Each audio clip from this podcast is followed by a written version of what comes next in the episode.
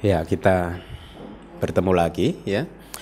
Melanjutkan materi minggu lalu tentang hukum kama. Sepertinya materi ini akan bisa berlangsung selama mungkin lima kali karena hukum kama itu sangat luas sekali ya dan juga sangat uh, menarik, sangat penting karena sesungguhnya kehidupan kita ini kan setiap saatnya ini uh, melakukan kama baru dan juga memetik buah dari kama kita ya. Oleh karena itulah memahami hukum karma menjadi sangat penting buat kita, buat Anda semua supaya kita bisa meningkatkan kualitas kehidupan kita supaya kita bisa menjadi seseorang yang semakin hari menjadi seorang yang makin baik. Kalau di minggu lalu saya sudah sampaikan uh, bagaimana hukum karma itu mempunyai efek apa saja? Masih ingat nggak hukum uh, di materi minggu lalu? Efek yang pertama adalah efek psikologis, ya, atau mungkin dengan uh, kata lain sifat Anda, sifat kita, karakter kita itu sesungguhnya hanyalah kumpulan dari kama-kama kita ya. Kebiasaan-kebiasaan yang Anda lakukan di masa lalu yang kita lakukan di masa lalu telah membentuk karakter kita pada saat ini ya. Jadi seseorang yang terbiasa uh, bermurah hati maka orang tersebut akan uh, dikenal sebagai seseorang yang hatinya penuh kemurahan.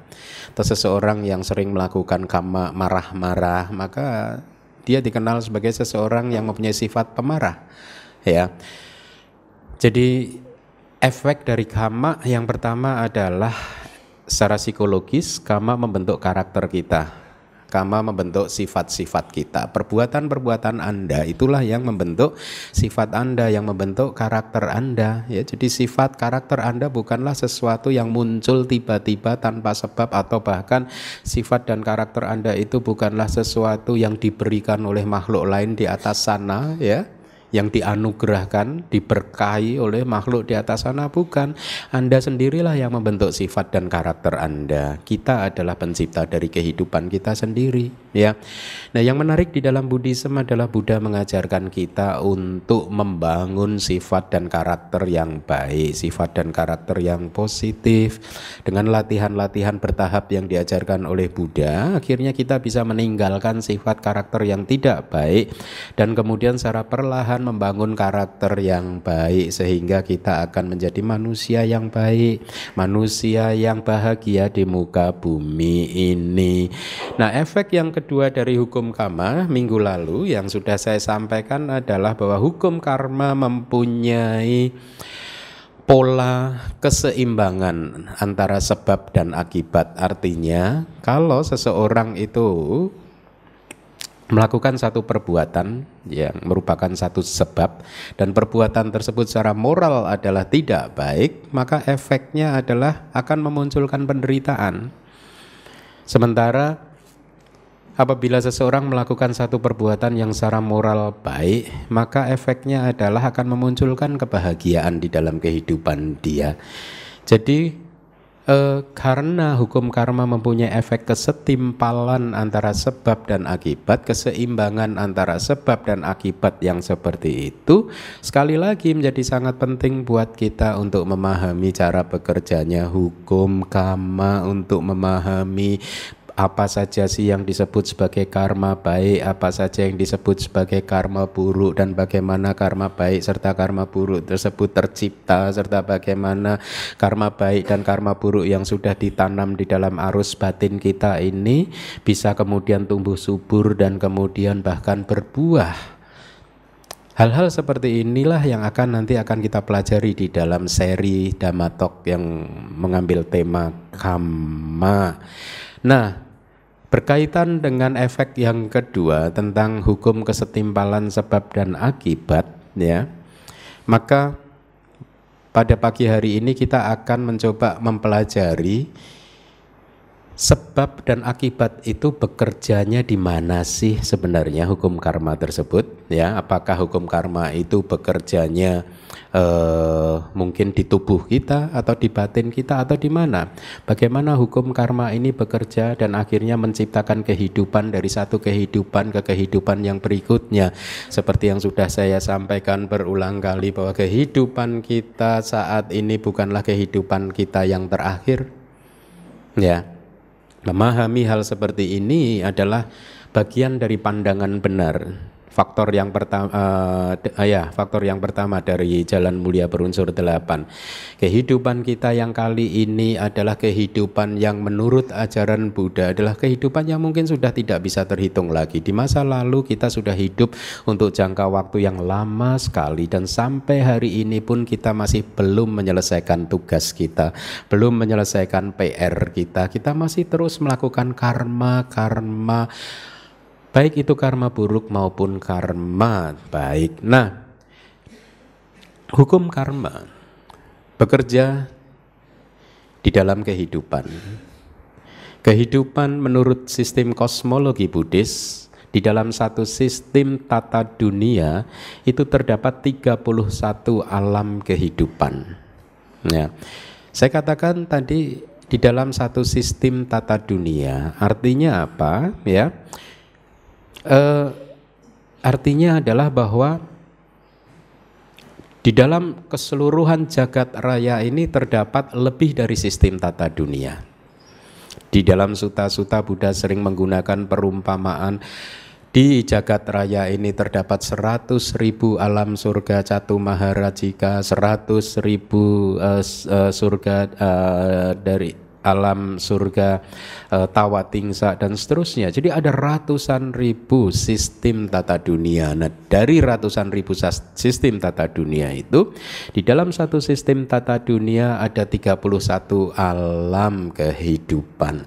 Jadi tidak sesederhana mungkin ajaran-ajaran lain yang mengatakan bahwa alam kehidupan hanya tiga yaitu alam manusia seseorang hidup sebagai manusia dan kemudian akan dinilai dihakimi apakah selama hidupnya sebagai manusia dia banyak melakukan karma baik atau yang lebih banyak setelah ditimbang-timbang adalah karma buruknya. Kalau kemudian ternyata yang banyak adalah bobotnya adalah karma baik, maka setelah itu dia akan diberi anugerah satu kehidupan di alam surga untuk selama-lamanya.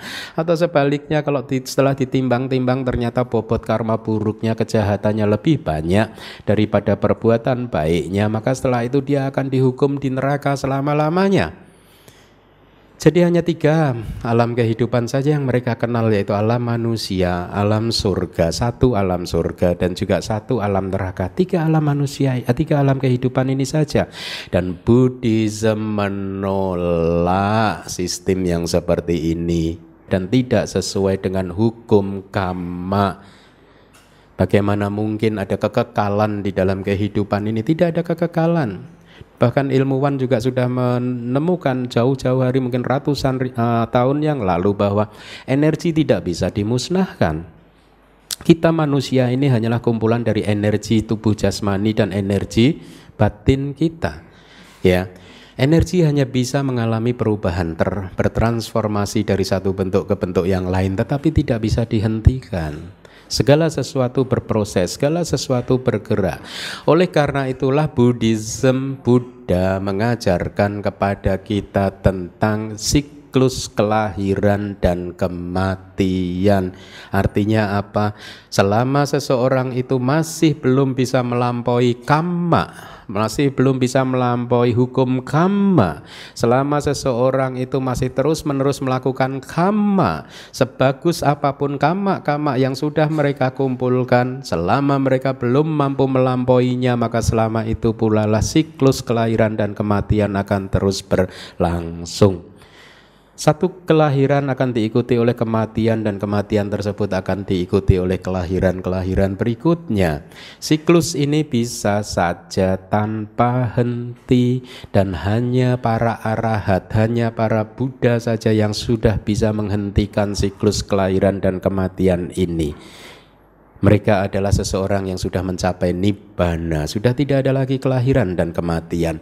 Nah, 31 alam kehidupan tersebut dikatakan mempunyai satu istilah khusus yaitu yang disebut sebagai samsara.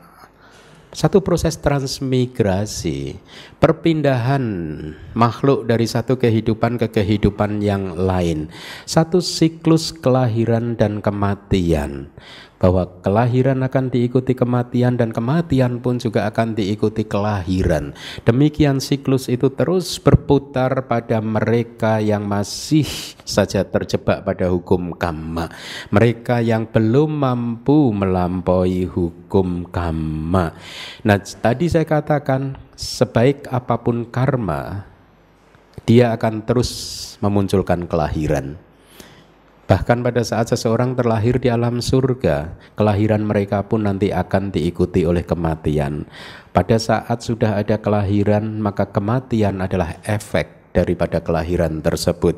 Nah, Memahami hal-hal seperti ini akan memperkuat pandangan benar kita. Kalau di dalam suta-suta Buddha mengatakan pandangan benar adalah pelopor. Memahami pandangan salah sebagai pandangan salah, memahami pandangan benar sebagai pandangan benar. Ini adalah yang disebut sebagai pandangan benar atau sama titik atau faktor yang pertama dari jalan mulia berunsur delapan. Sangat penting sekali untuk mempunyai pandangan benar. Karena pandangan benar adalah awal dari perjalanan spiritual Anda. Seseorang yang masih mempunyai pandangan salah, maka sepanjang perjalanan kehidupannya akan menuju ke arah yang salah. Seseorang yang masih mempunyai pandangan yang salah, maka akan sulit buat mereka untuk bisa mendapatkan kedamaian dan kebahagiaan di dalam kehidupan ini. Seandainya saja Anda masih mempunyai pandangan yang salah meyakini bahwa matahari akan terbit dari barat dan setiap pagi jam 4 pagi keluar dari rumah Anda menghadap ke barat kemudian berdoa menunggu matahari terbit, kira-kira Anda akan menderita atau bahagia? Akan menderita. Selama Anda mempercayai hal yang seperti itu, ya, maka selama itu pula lah Anda akan menderita. Hanya pada saat Anda menyadari kesalahan Anda bahwa matahari tidak pernah terbit dari barat, bahwa matahari harus terbit dari timur dan kemudian Anda berbalik arah menghadap ke timur, mengharapkan menunggu matahari untuk segera terbit, cepat atau lambat Anda akan menemukan kebenaran tersebut bahwa matahari pun terbit dari ufuk timur. Tidak ada penderitaan di sana. Karena apa yang Anda inginkan sesuai dengan kenyataan. Nah, jadi memahami hukum kama dengan baik adalah salah satu dari definisi pandangan uh, benar ya. Jadi inilah mengapa tadi saya katakan bahwa eh, mempelajari hukum kama itu sangat penting sekali. Topik kita pada pagi hari ini adalah samsara, siklus kelahiran dan kematian. Kita akan mempelajari apa saja sih yang ada di dalam satu sistem dunia, di dalam satu uh, uh, cakrawala ini di dalam jagat raya ini dan bagaimana hukum kama ini bekerja di dalam alam-alam kehidupan ini. Pada saat Anda memahami 31 alam kehidupan yang akan kita pelajari pada pagi hari ini, maka pemahaman Anda tentang hukum karma akan menjadi semakin luas karena Anda akan sadar bahwa perbuatan-perbuatan Anda akan mempunyai dampak konsekuensi yang bisa membawa Anda terlahir di salah satu alam dari 31 alam tersebut. Ya. Nah, dari 31 alam di dalam satu sistem tata dunia, saya katakan tadi Buddha mengatakan bahwa di dalam jagat raya ini tidak hanya terdapat satu sistem tata dunia tetapi terdapat ratusan ribu. Semuanya polanya hampir sama dan di dalam 31 alam kehidupan tersebut kita akan mulai membahas dari alam yang paling bawah yaitu alam yang disebut sebagai alam tiada kebahagiaan atau bahasa palinya alam apa ya apa ayah tidak ada kebahagiaan. Para makhluk yang terlahir di empat alam ini ya dia akan menghabiskan keseluruhan hidupnya, sebagian besar dari hidupnya, menghabiskannya dengan penderitaan. akan sangat sulit buat mereka yang terlahir di empat alam yang penuh dengan penderitaan ini untuk bisa mendapatkan kualitas hidup yang baik. Mereka yang terlahir di alam-alam ini sulit sekali untuk mendapatkan kesempatan untuk melakukan kama-kama baik karena kehidupannya setiap detiknya, setiap saatnya disiksa oleh penderitaan-penderitaan sebagai buah dari kama buruk mereka sendiri. Bukan disiksa dikarenakan ada makhluk yang jahat yang menyiksa dia tetapi perbuatan buruk dia sendirilah yang menyiksanya. Nah dari empat alam yang tiada kebahagiaan, alam yang paling bawah disebut sebagai alam neraka. Menurut kosmologi Buddhis, alam neraka ada di tengah bumi ini, di bawah kita, ya. Uh, dan diceritakan bahwa alam neraka ini ya mereka yang terlahir di sana akan dibakar oleh api neraka. Saya saya rasa cukup masuk akal karena uh, di pusat bumi ini kan logam yang mencair panas atau apa ya? Ya, benar ya.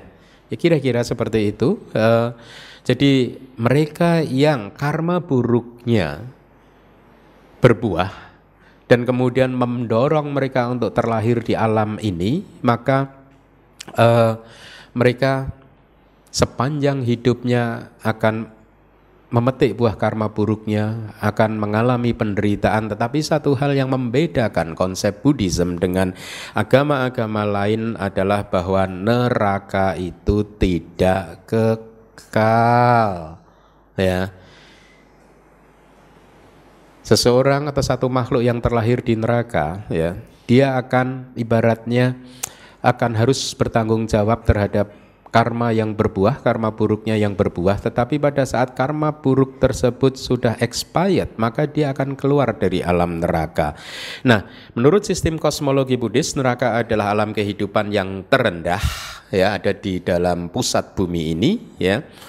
Uh, tidak ada uh, batas waktu kehidupan buat makhluk yang terlahir di sana, ya.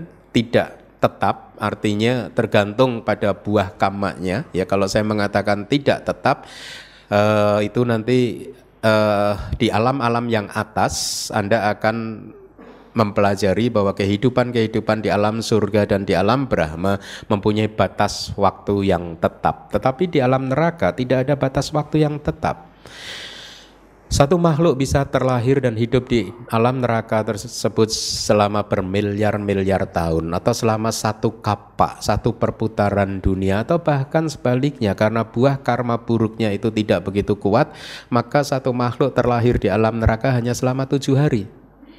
Anda teringat cerita ratu siapa itu? Yang yang dia merasa bersalah terhadap suaminya, Raja Pasenadi ya? Malika ya, ya. Hah? Karena dia merasa bersalah kan kepada suaminya. Kemudian pada saat meninggal dunia, pikiran terakhirnya teringat pada peristiwa tersebut. Ya, nah ini menarik juga. Pikiran terakhir. Anda nanti akan terlahir di alam mana itu ditentukan oleh pikiran Anda yang terakhir. Hmm? Tentu saja pikiran yang terakhir itu adalah pikiran yang muncul karena didorong oleh kama yang siap untuk berbuah. Ya, jadi artinya apa? Anda tidak bisa memanipulasi juga. Hah? Tidak bisa memanipulasi. Udahlah nggak pernah nggak usah belajar dhamma, nggak usah berlatih tiap hari yang diingat Buddha, Buddha, Buddha, Buddha, Buddha, Buddha, Buddha. Gitu. Hah? Nggak bisa juga Anda memanipulasinya. Anda masih ingat ya cerita tentang seorang penjaga toko yang mempunyai tiga anak diberi nama Buddha, Dhamma, dan Sangga? Nah, dia akan mencoba memanipulasi kan? Ya, Ya udah kan katanya Buddha kan pikiran yang terakhir itu kan yang menentukan kelahiran. Ya udah tiap hari saya ngelihat anak-anak saya aja Buddha Dhamma Sangga, Buddha Dhamma Sangga gitu. Enggak pernah ke wihara, enggak pernah berbuat baik, enggak pernah bermeditasi ya. Enggak sibuk jaga toko. Hah? Tetapi akhirnya tentu saja uh, hukum karma mengatakan hal yang lain membuat dia terlahir di alam yang lain. Nah sekali lagi pikiran yang terakhir itu didorong oleh kama lampau yang masa. Kemudian Anda teringat juga cerita dengan Dewa Data bagaimana dia meninggal dunianya? Hmm? Ditelan bumi kan? Dikatakan Dewa Data terlahir di neraka apa? Awici di tengah bumi sana. Ya, jadi kira-kira lokasi dari neraka adalah di uh, apa di tengah bumi kita ini. Kemudian alam yang kedua, alam apa ya? Yang kedua adalah kerajaan binatang sama eh, hidup di alam yang sama, di tingkatan yang sama dengan manusia, ya. Jadi ada beberapa makhluk yang hidupnya itu barengan sama kita. Yang satu adalah makhluk apa? Binatang kan? Yang kedua apa? Peta. Barengan loh sama Anda. Mungkin di tengah-tengah situ mungkin ada. di sebelah Anda kalau Anda merasa eh, merinding, nah jangan-jangan ada peta. Merinding ya. Nanti ada juga eh, dewa-dewa bumi, Asura ya, yang makhluk dewa. Tapi dia tidak hidup di kota-kota seperti ini. Biasanya dia hidup di rumah kosong, di hutan, di gunung, di pohon yang besar ya. Tetapi mereka hidup di satu lokasi dengan kita. Berbeda dengan makhluk yang lahir di alam neraka, mereka hidup berbeda lokasi dengan kita. Ya, mereka ada di tengah bumi, di dalam, di bawah kita. Ya, nah kerajaan binatang, eh, ya kita tidak banyak yang bisa apa, yang baru karena saya yakin Anda semua sudah paham kerajaan binatang itu apa saja. Minggu lalu saya sudah sampaikan Buddha mengatakan bahwa menurut beliau tidak ada satu makhluk yang mempunyai variasi yang paling lengkap selain binatang kan? Ya.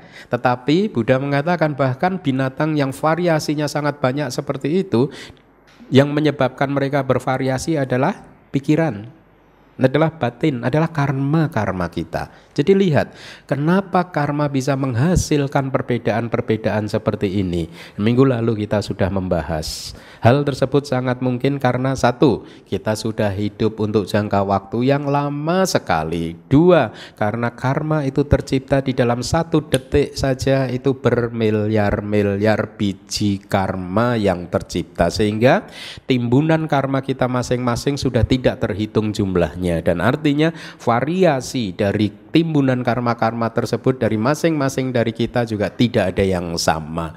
Ketiga, karena energi batin yang membentuk karma itu terdiri dari banyak sekali energi yang berbeda-beda seperti tombol equalizer kalau komposisinya berbeda, maka akan menghasilkan tubuh yang berbeda. Ada yang hidungnya mancung, ada yang setengah mancung, ada yang enggak mancung, ada yang sama sekali enggak mancung, ada yang ganteng, sangat ganteng, dan lain sebagainya. Ya karena variasi-variasi dari energi mental yang berbeda inilah maka kehidupan menjadi berbeda-beda. Nah alam yang ketiga adalah alam peta, hantu kelaparan.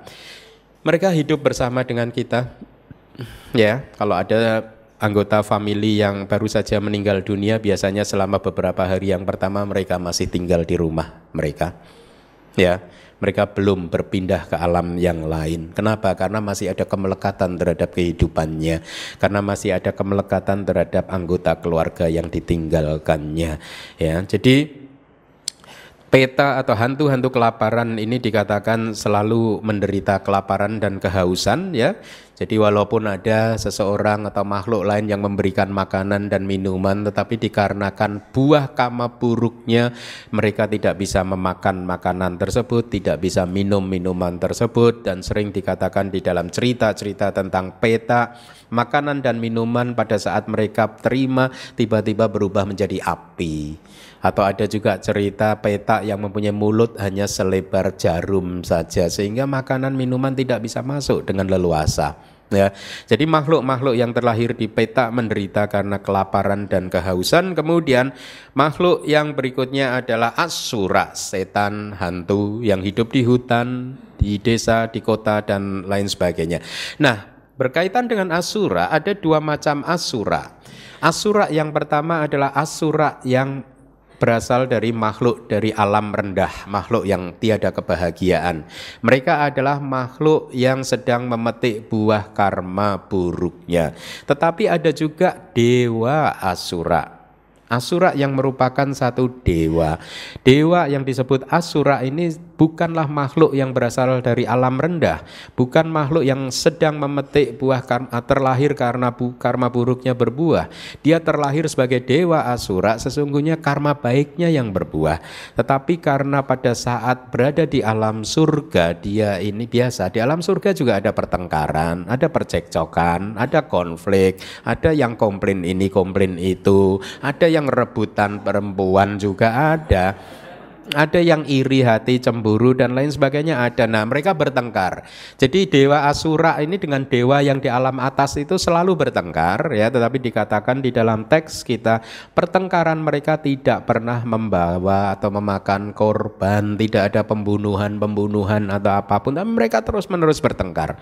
Kadang menang, kadang kalah, kadang menang, kadang kalah. Akhirnya mereka tahu diri dan mereka turun ke bumi menjadi dewa yang hidupnya terikat dengan bumi ya menjadi dewa bumi gitu.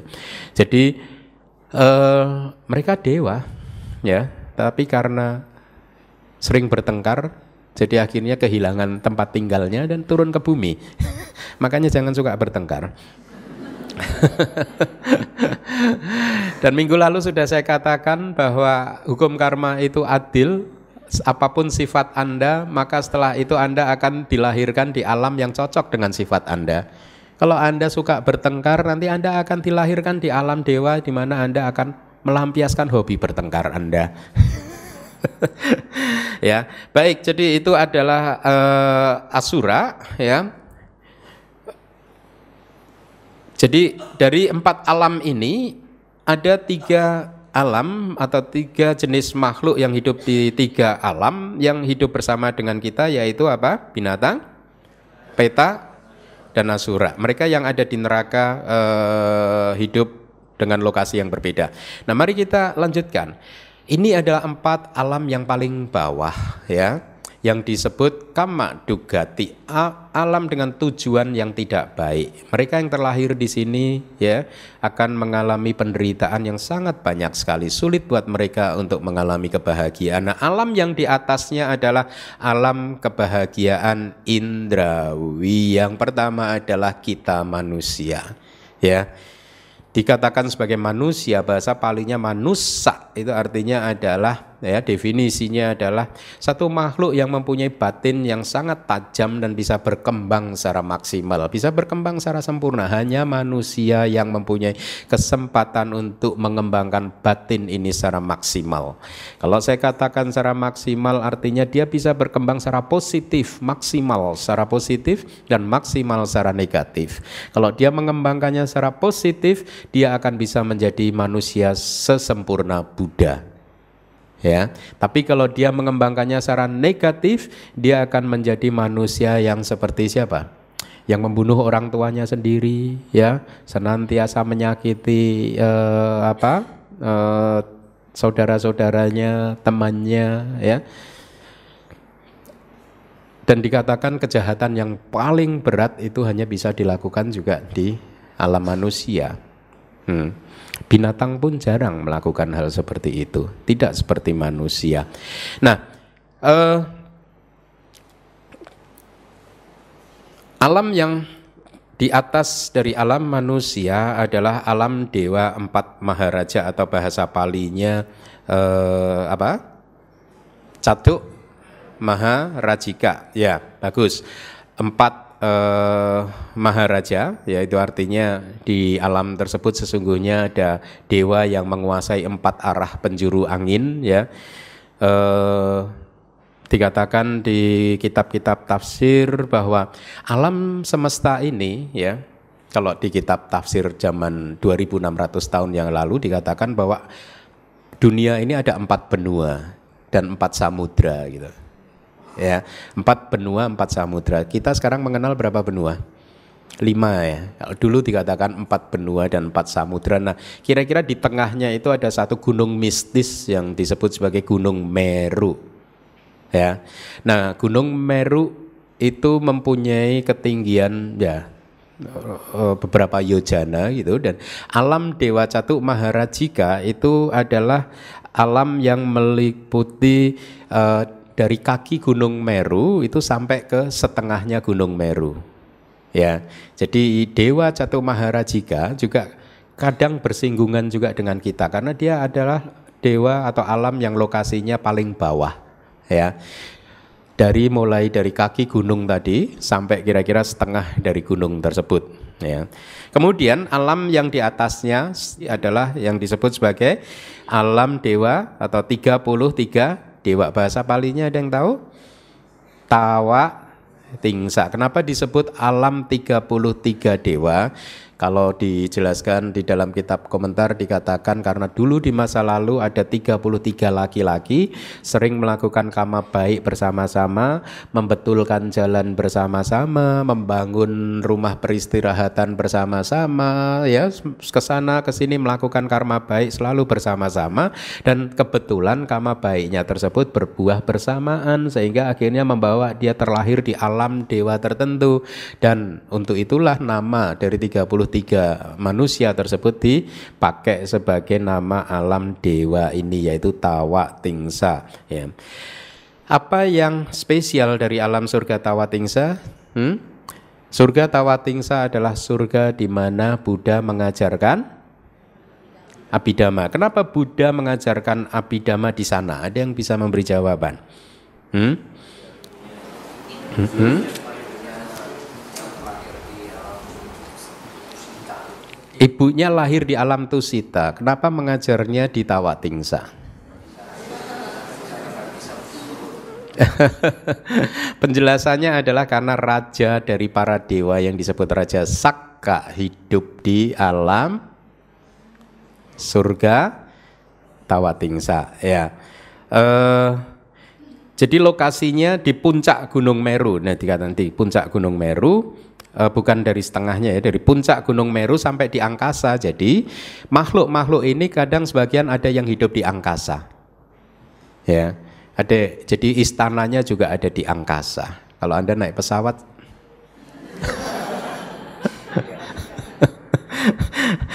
ya.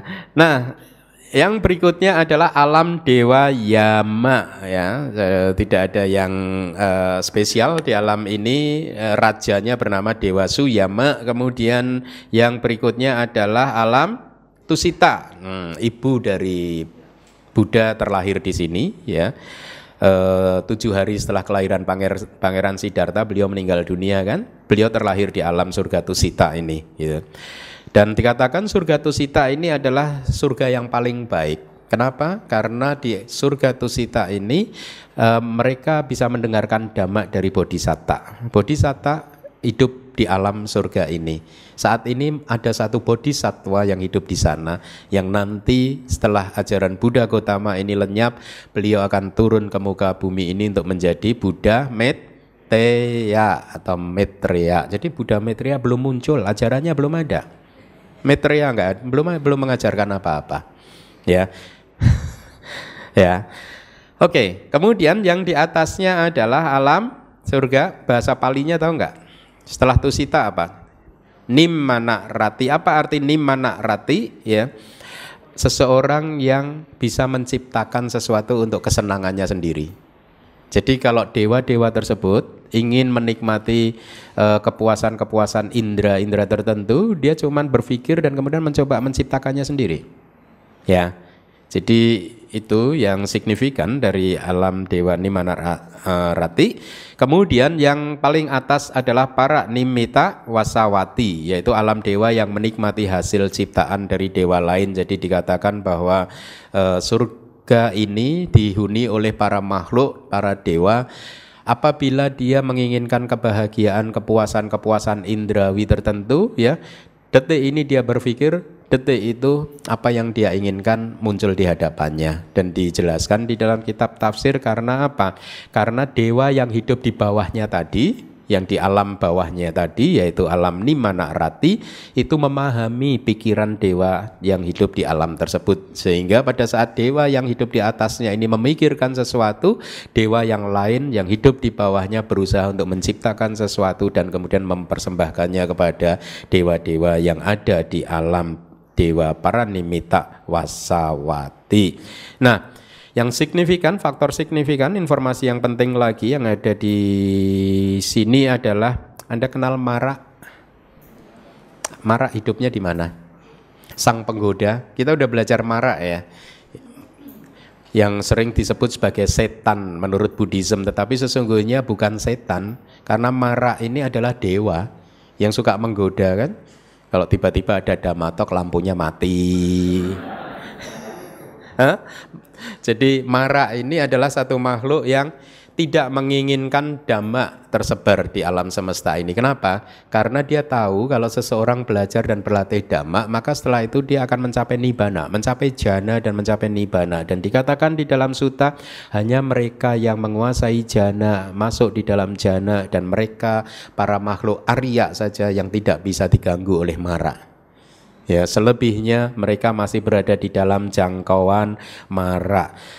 Anda masih ingat di pelajaran-pelajaran lalu uh, pada saat Marak mencoba mengganggu Buddha dengan mengatakan apa? Uh, dengan uh, mengganggu beberapa Brahma. Jadi ini yang hebat dari Mara adalah meskipun dia hidup di alam surga yang uh, masih menggunakan indera-indera mereka ya Tujuh alam ini adalah alam di mana indra-indra masih bekerja, tetapi mara ini mempunyai kekuatan untuk mempengaruhi alam Brahma yang hidup di atasnya. Kemampuannya bisa sampai ke alam Brahma.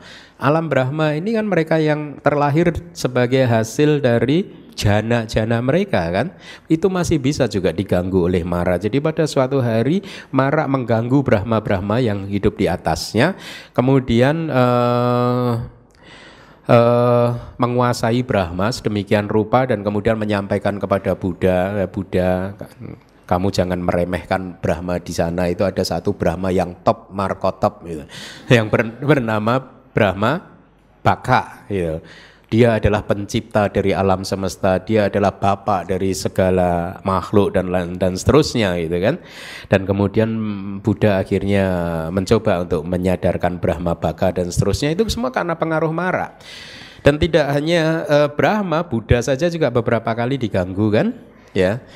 Uh, jadi sekarang Anda tahu bahwa Mara, sang penggoda itu hidup di alam surga yang ketujuh, yang paling atas ya. Di Suta juga sering ada kata-kata seperti ini, para biku, ini kata-kata Buddha. Kamu tadi melihat enggak gumpalan asap uh, sorry awan hitam di langit yang bergerak dari arah katakanlah timur ke barat dari arah kanan ke kiri kiri ke kanan ya. Bikunya menjawab iya gitu. Saya melihatnya Buddha gitu. Dan kemudian Buddha mengatakan para biku dia adalah mara. Jadi kadang kalau dia sedang bergerak bisa berupa awan gelap bergerak dari sana ke sini begitu. Ya. Nah uh, Tadi saya katakan hanya mereka yang berada di dalam jana dan e, para makhluk Arya yang sudah tidak bisa dikuasai atau diganggu oleh mara ya. Nah, e, berkaitan dengan alam dewa karena kehidupan di alam tersebut itu penuh dengan kebahagiaan dan tadi saya katakan ada saja beberapa dewa yang saling bertengkar dan sebenarnya tidak hanya pertengkaran saja, iri hati juga muncul di hati, di batin para dewa yang hidup di alam-alam tertentu. Di kelas tentang 62 pandangan salah, saya pernah menyampaikan tentang dewa yang rusak moralnya karena iri hati kan? Rusak batinnya karena dia iri hati. Kenapa? Pada saat dia sedang berada di langit sana, kemudian melihat temannya dewa sedang naik kereta emas bersama dengan dewa-dewa yang lain, ada rasa iri hati. Nah, dewa yang rusak karena rasa iri hati ini, ya, kemudian Dikatakan ini adalah salah satu penyebab dari kematian dia. Kemudian pada saat dia meninggal dunia dia lahir sebagai manusia, ya. Pada saat lahir sebagai manusia kemudian dia menjadi seorang pertapa dan kemudian mencapai jana, mampu mengingat kehidupan satu kehidupan persis sebelum itu di mana dia terlahir di alam dewa, ya. Dan kemudian dia ingat, eh, saya pernah lahir di alam surga, tetapi kemudian saya mati. Tetapi pada saat saya mati ada dewa yang nggak mati-mati. Itu menurut dia persepsinya. Ya, paham yang muncul dari persepsi yang keliru dari satu makhluk dewa atau makhluk Brahma yang keliru mengingat-ingat pengalaman masa lampaunya. Dia hanya mengingat satu kehidupan saja dan kemudian dia merumuskannya dan kemudian dia menyebarkannya. Beruntung sekali kita sebagai murid Buddha bahwa Buddha tidak hanya mampu mengingat satu kehidupan, Dikatakan Buddha mampu mengingat seluruh kehidupan beliau. Dan beliau juga melihat bagaimana hukum yang bekerja di alam semesta ini. Satu makhluk meninggal dari satu alam kemudian terlahir lagi, meninggal, terlahir lagi, meninggal, terlahir lagi. Demikian seterusnya sehingga akhirnya beliau memahami bahwa hukum yang bekerja yang mendorong proses kelahiran dan kematian seperti itu adalah apa yang disebut sebagai hukum kama. Ya, nah itu adalah dewa Mano Padosika, dengki, dewa yang dengki iri hati, kemudian lahir sebagai manusia dan dia mengingat kehidupan lampaunya dan kemudian dia mengatakan, oh ada makhluk yang kekal loh di sana. Ya, ya. kemudian eh, ya ada juga dewa yang rusak karena apa? Apa? Karena bersenang-senang kan? Dia ikut pesta pora terus di alam dewa sampai lupa gitu lupa diri itu sampai kemudian karena rusak karena bersenang-senang tersebut akhirnya dewa tersebut meninggal dunia ya. Jadi ini adalah tujuh alam surga ya, yang disebut sebagai kama wacara ya yaitu alam eh, tingkatan lingkup indrawi. Mereka masih e, bergantung kepada panca indera mereka. Nah sekarang kita masuk ke jenis alam yang berbeda yaitu alam yang sudah tidak menggunakan lagi indra-indranya. Alam materi halus rupa wacara ya bahasa palinya. Di alam-alam ini para makhluk yang terlahir di alam ini adalah mereka yang sedang memetik buah dari pencapaian jana mereka. Pada saat katakanlah mereka terlahir sebagai manusia dan kemudian menguasai jana dan pada detik terakhir di dalam kehidupannya dia berhasil masuk ke dalam jana maka detik berikutnya dia akan terlahir di alam-alam ini. Alam Brahma yang masih mempunyai materi halus. Dia masih mempunyai tubuh jasmani tetapi sangat halus sekali. Lokasinya ada di atas alam dewa tujuh alam dewa yang tadi di alam e, materi halus ini ada 16 alam kehidupan dibagi sesuai dengan jananya. Mereka yang menguasai jana yang pertama akan terlahir di salah satu dari tiga alam tersebut, yaitu alam para pelayan Brahma, alam para menteri Brahma, dan alam dari Maha Brahma. Ya. Kemudian mereka yang menguasai rupa wacara jana yang kedua akan terlahir di alam yang berikutnya yaitu alam keempat kelima dan keenam. Sementara mereka yang menguasai alam jana, uh, sorry jana yang ketiga akan terlahir di alam-alam ini, ya. Kemudian mereka yang menguasai jana yang keempat akan terlahir di alam WH pala atau hasil besar atau juga bahkan makhluk tanpa batin saya harap Anda masih ingat kenapa ada makhluk tanpa batin, mereka yang terlahir sebagai manusia dan kemudian menguasai jana, tetapi mereka mempunyai pandangan yang salah karena berpikir bahwa penderitaan ini disebabkan oleh batin. Alangkah indahnya kalau hidup ini tidak mempunyai batin, hanya mempunyai tubuh, pasti tidak akan ada penderitaan, kira-kira seperti itu. Akhirnya mereka mengembangkan sanya wiraka, sorry, uh, ya. Satu meditasi yang disebut meditasi untuk menolak semua jenis batin. Ya sanya wiraga bawana. Satu rasa kejijikan terjijik terhadap batin. Ya dan sebagai akibatnya uh, uh, dia pun terlahir di alam asanya sata alam makhluk tanpa batin. Nah Lima alam berikutnya dimulai dari alam abadi ini adalah alam kehidupan yang disebut sudah wasa ya ini alam yang hanya menjadi tempat kelahiran para anagami ya. Jadi seorang anagami akan yang menguasai jana yang keempat dia akan terlahir di alam ini ya. Kalau di alam seperti ini yang nomor 12 ini dia tidak mencapai kemajuan menjadi seorang arahat, maka dia kemudian menghabiskan sisa uh, kehidupannya ya. Dan setelah meninggal dunia dia akan terlahir di alam yang atasnya. Dan demikian pula kalau di alam seperti eh, alam ini dia tidak mencapai tingkat kesucian arahat, kemudian dia meninggal dunia dan akhirnya dia terlahir di alam yang atasnya dan demikian pula lagi alam yang sampai kemudian alam yang paling atas di mana dia dipastikan men menjadi seorang arahat dan akhirnya dia meninggal dunia di alam tertinggi tersebut untuk kemudian mencapai nibbana.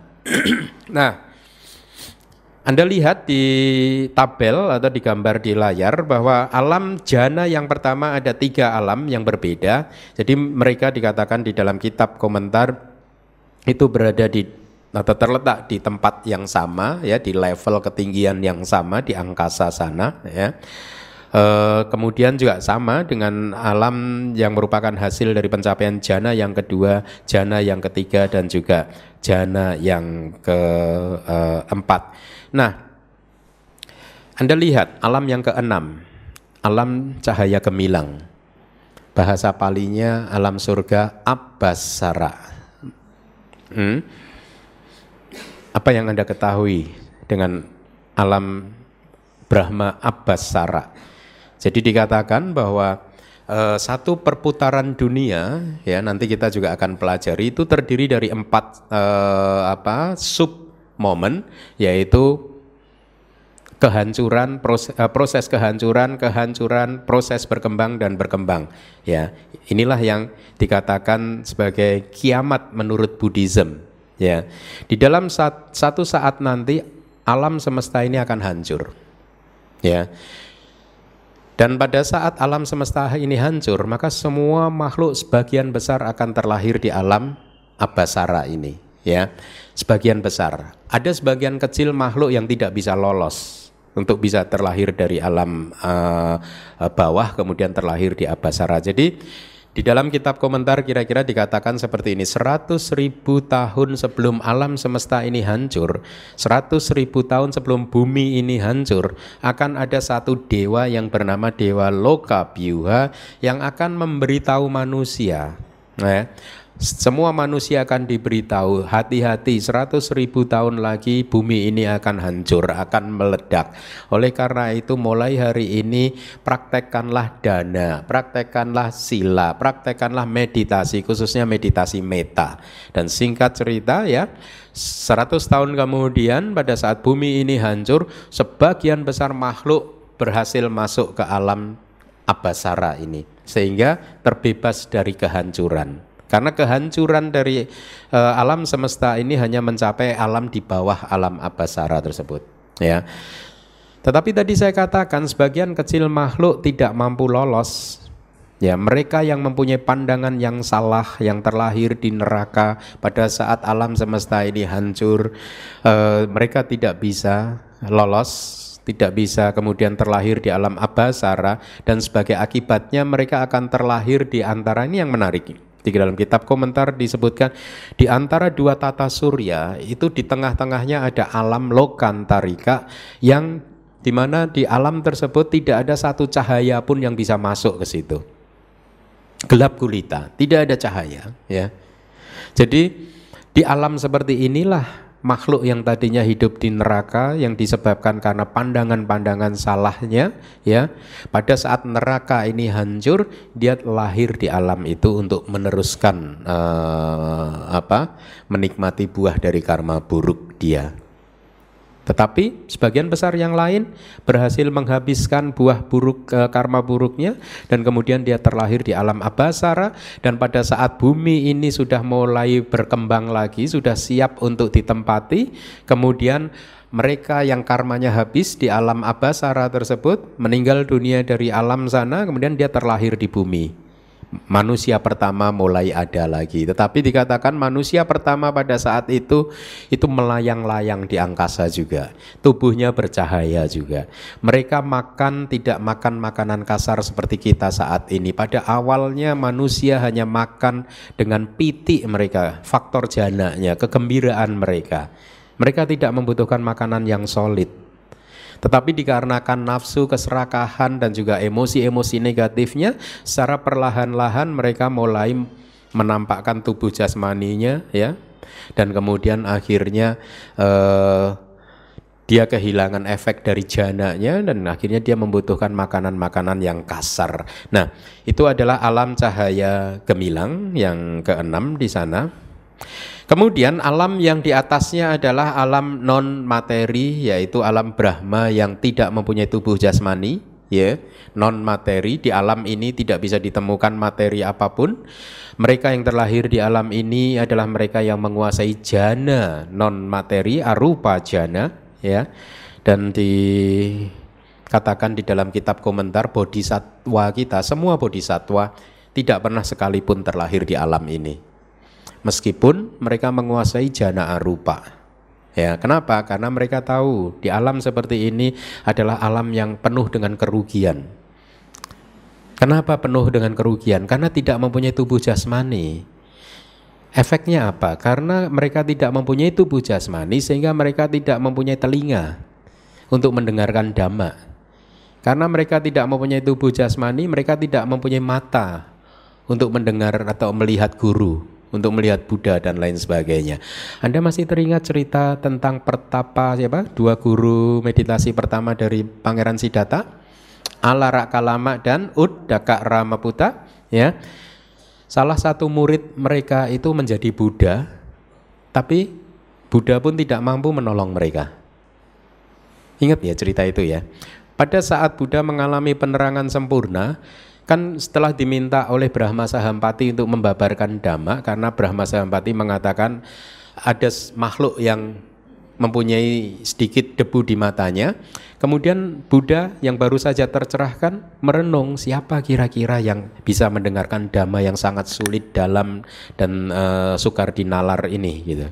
Akhirnya pikiran pertama beliau jatuh kepada dua guru meditasi beliau. Kenapa? Pertimbangannya karena mereka berdua adalah manusia-manusia yang sudah menguasai jana.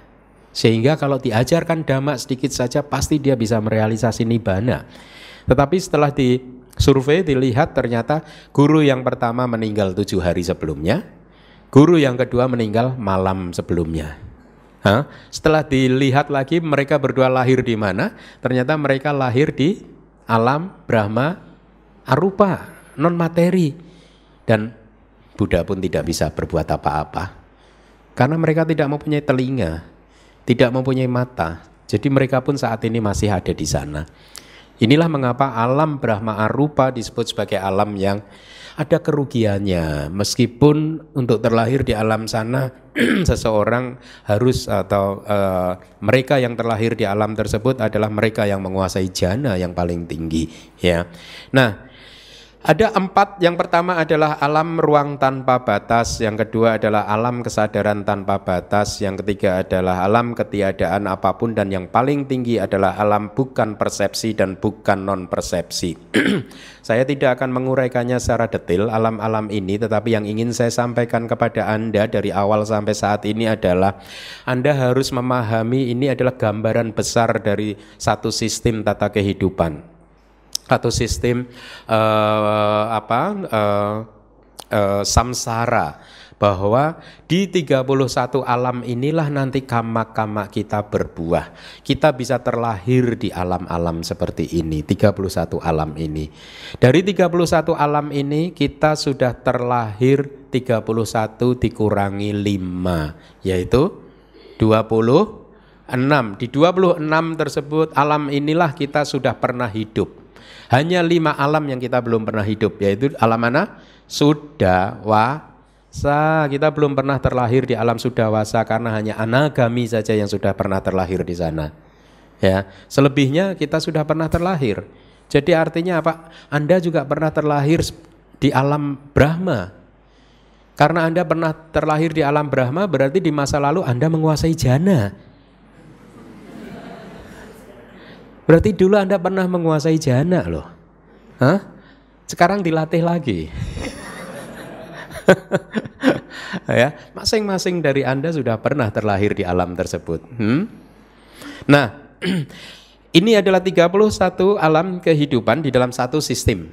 Ya, tadi dikatakan Buddha di berbagai kesempatan mengatakan ada ratusan ribu sistem. Di dalam seluruh jagat raya ini. Jadi luas sekali, tidak hanya tiga alam seperti yang dikenal oleh manusia kebanyakan. Nah, eh, selanjutnya saya akan sampaikan rentang kehidupan di eh, alam-alam uh, tersebut. Tadi dikatakan di alam neraka tidak ada batas waktu, ya bisa hidup di sana selama satu hari, dua hari, tujuh hari, atau bahkan bisa bermiliar-miliar tahun, ya. Kalau tadi seseorang yang seumur hidupnya berbuat kejahatan tetapi di detik terakhirnya dia ingat Buddha Dhamma Sangha. Mungkin dia lahir juga di Hah? di alam surga. Tetapi mungkin tidak selama atau tidak lama seperti uh, yang dia harapkan. Nah, mari kita lihat. Neraka tidak mempunyai batas waktu dari umurnya, kemudian uh, Alam-alam yang lain, kerajaan binatang juga tidak mempunyai batasan yang pasti bahwa dia 10 tahun harus meninggal dunia dan seterusnya. Tidak ada batasan, bervariasi. Kemudian alam yang ketiga, peta itu pun juga tidak mempunyai batas, ya bervariasi juga. Maksudnya kemudian asura pun juga tidak mempunyai batas. Demikian pula juga manusia ya. Manusia juga tidak mempunyai batas karena di dalam kitab tafsir diberikan penjelasan bahwa rentang usia manusia satu masa nanti bisa hanya sampai 10 tahun. Kita nanti manusia itu rentang usianya hanya sampai 10 tahun pada saat rentang usia hanya 10 tahun, gadis-gadis yang berumur lima tahun udah pada menikah. Kecil-kecil menikah. ya. Atau bahkan usia manusia bisa sampai puluhan ribu tidak terbatas. Ya. Uh, tetapi di alam yang di atas kita alam surga itu mempunyai batas rentang usia. Nah mari kita lihat. Alam maharaja empat maharaja catuk maharajika anda lihat di tabel tersebut. Satu hari di alam empat maharaja itu sama dengan 50 tahun manusia. Hmm? Di bawahnya satu hari di alam surga Tawatingsa sama dengan 100 tahun manusia.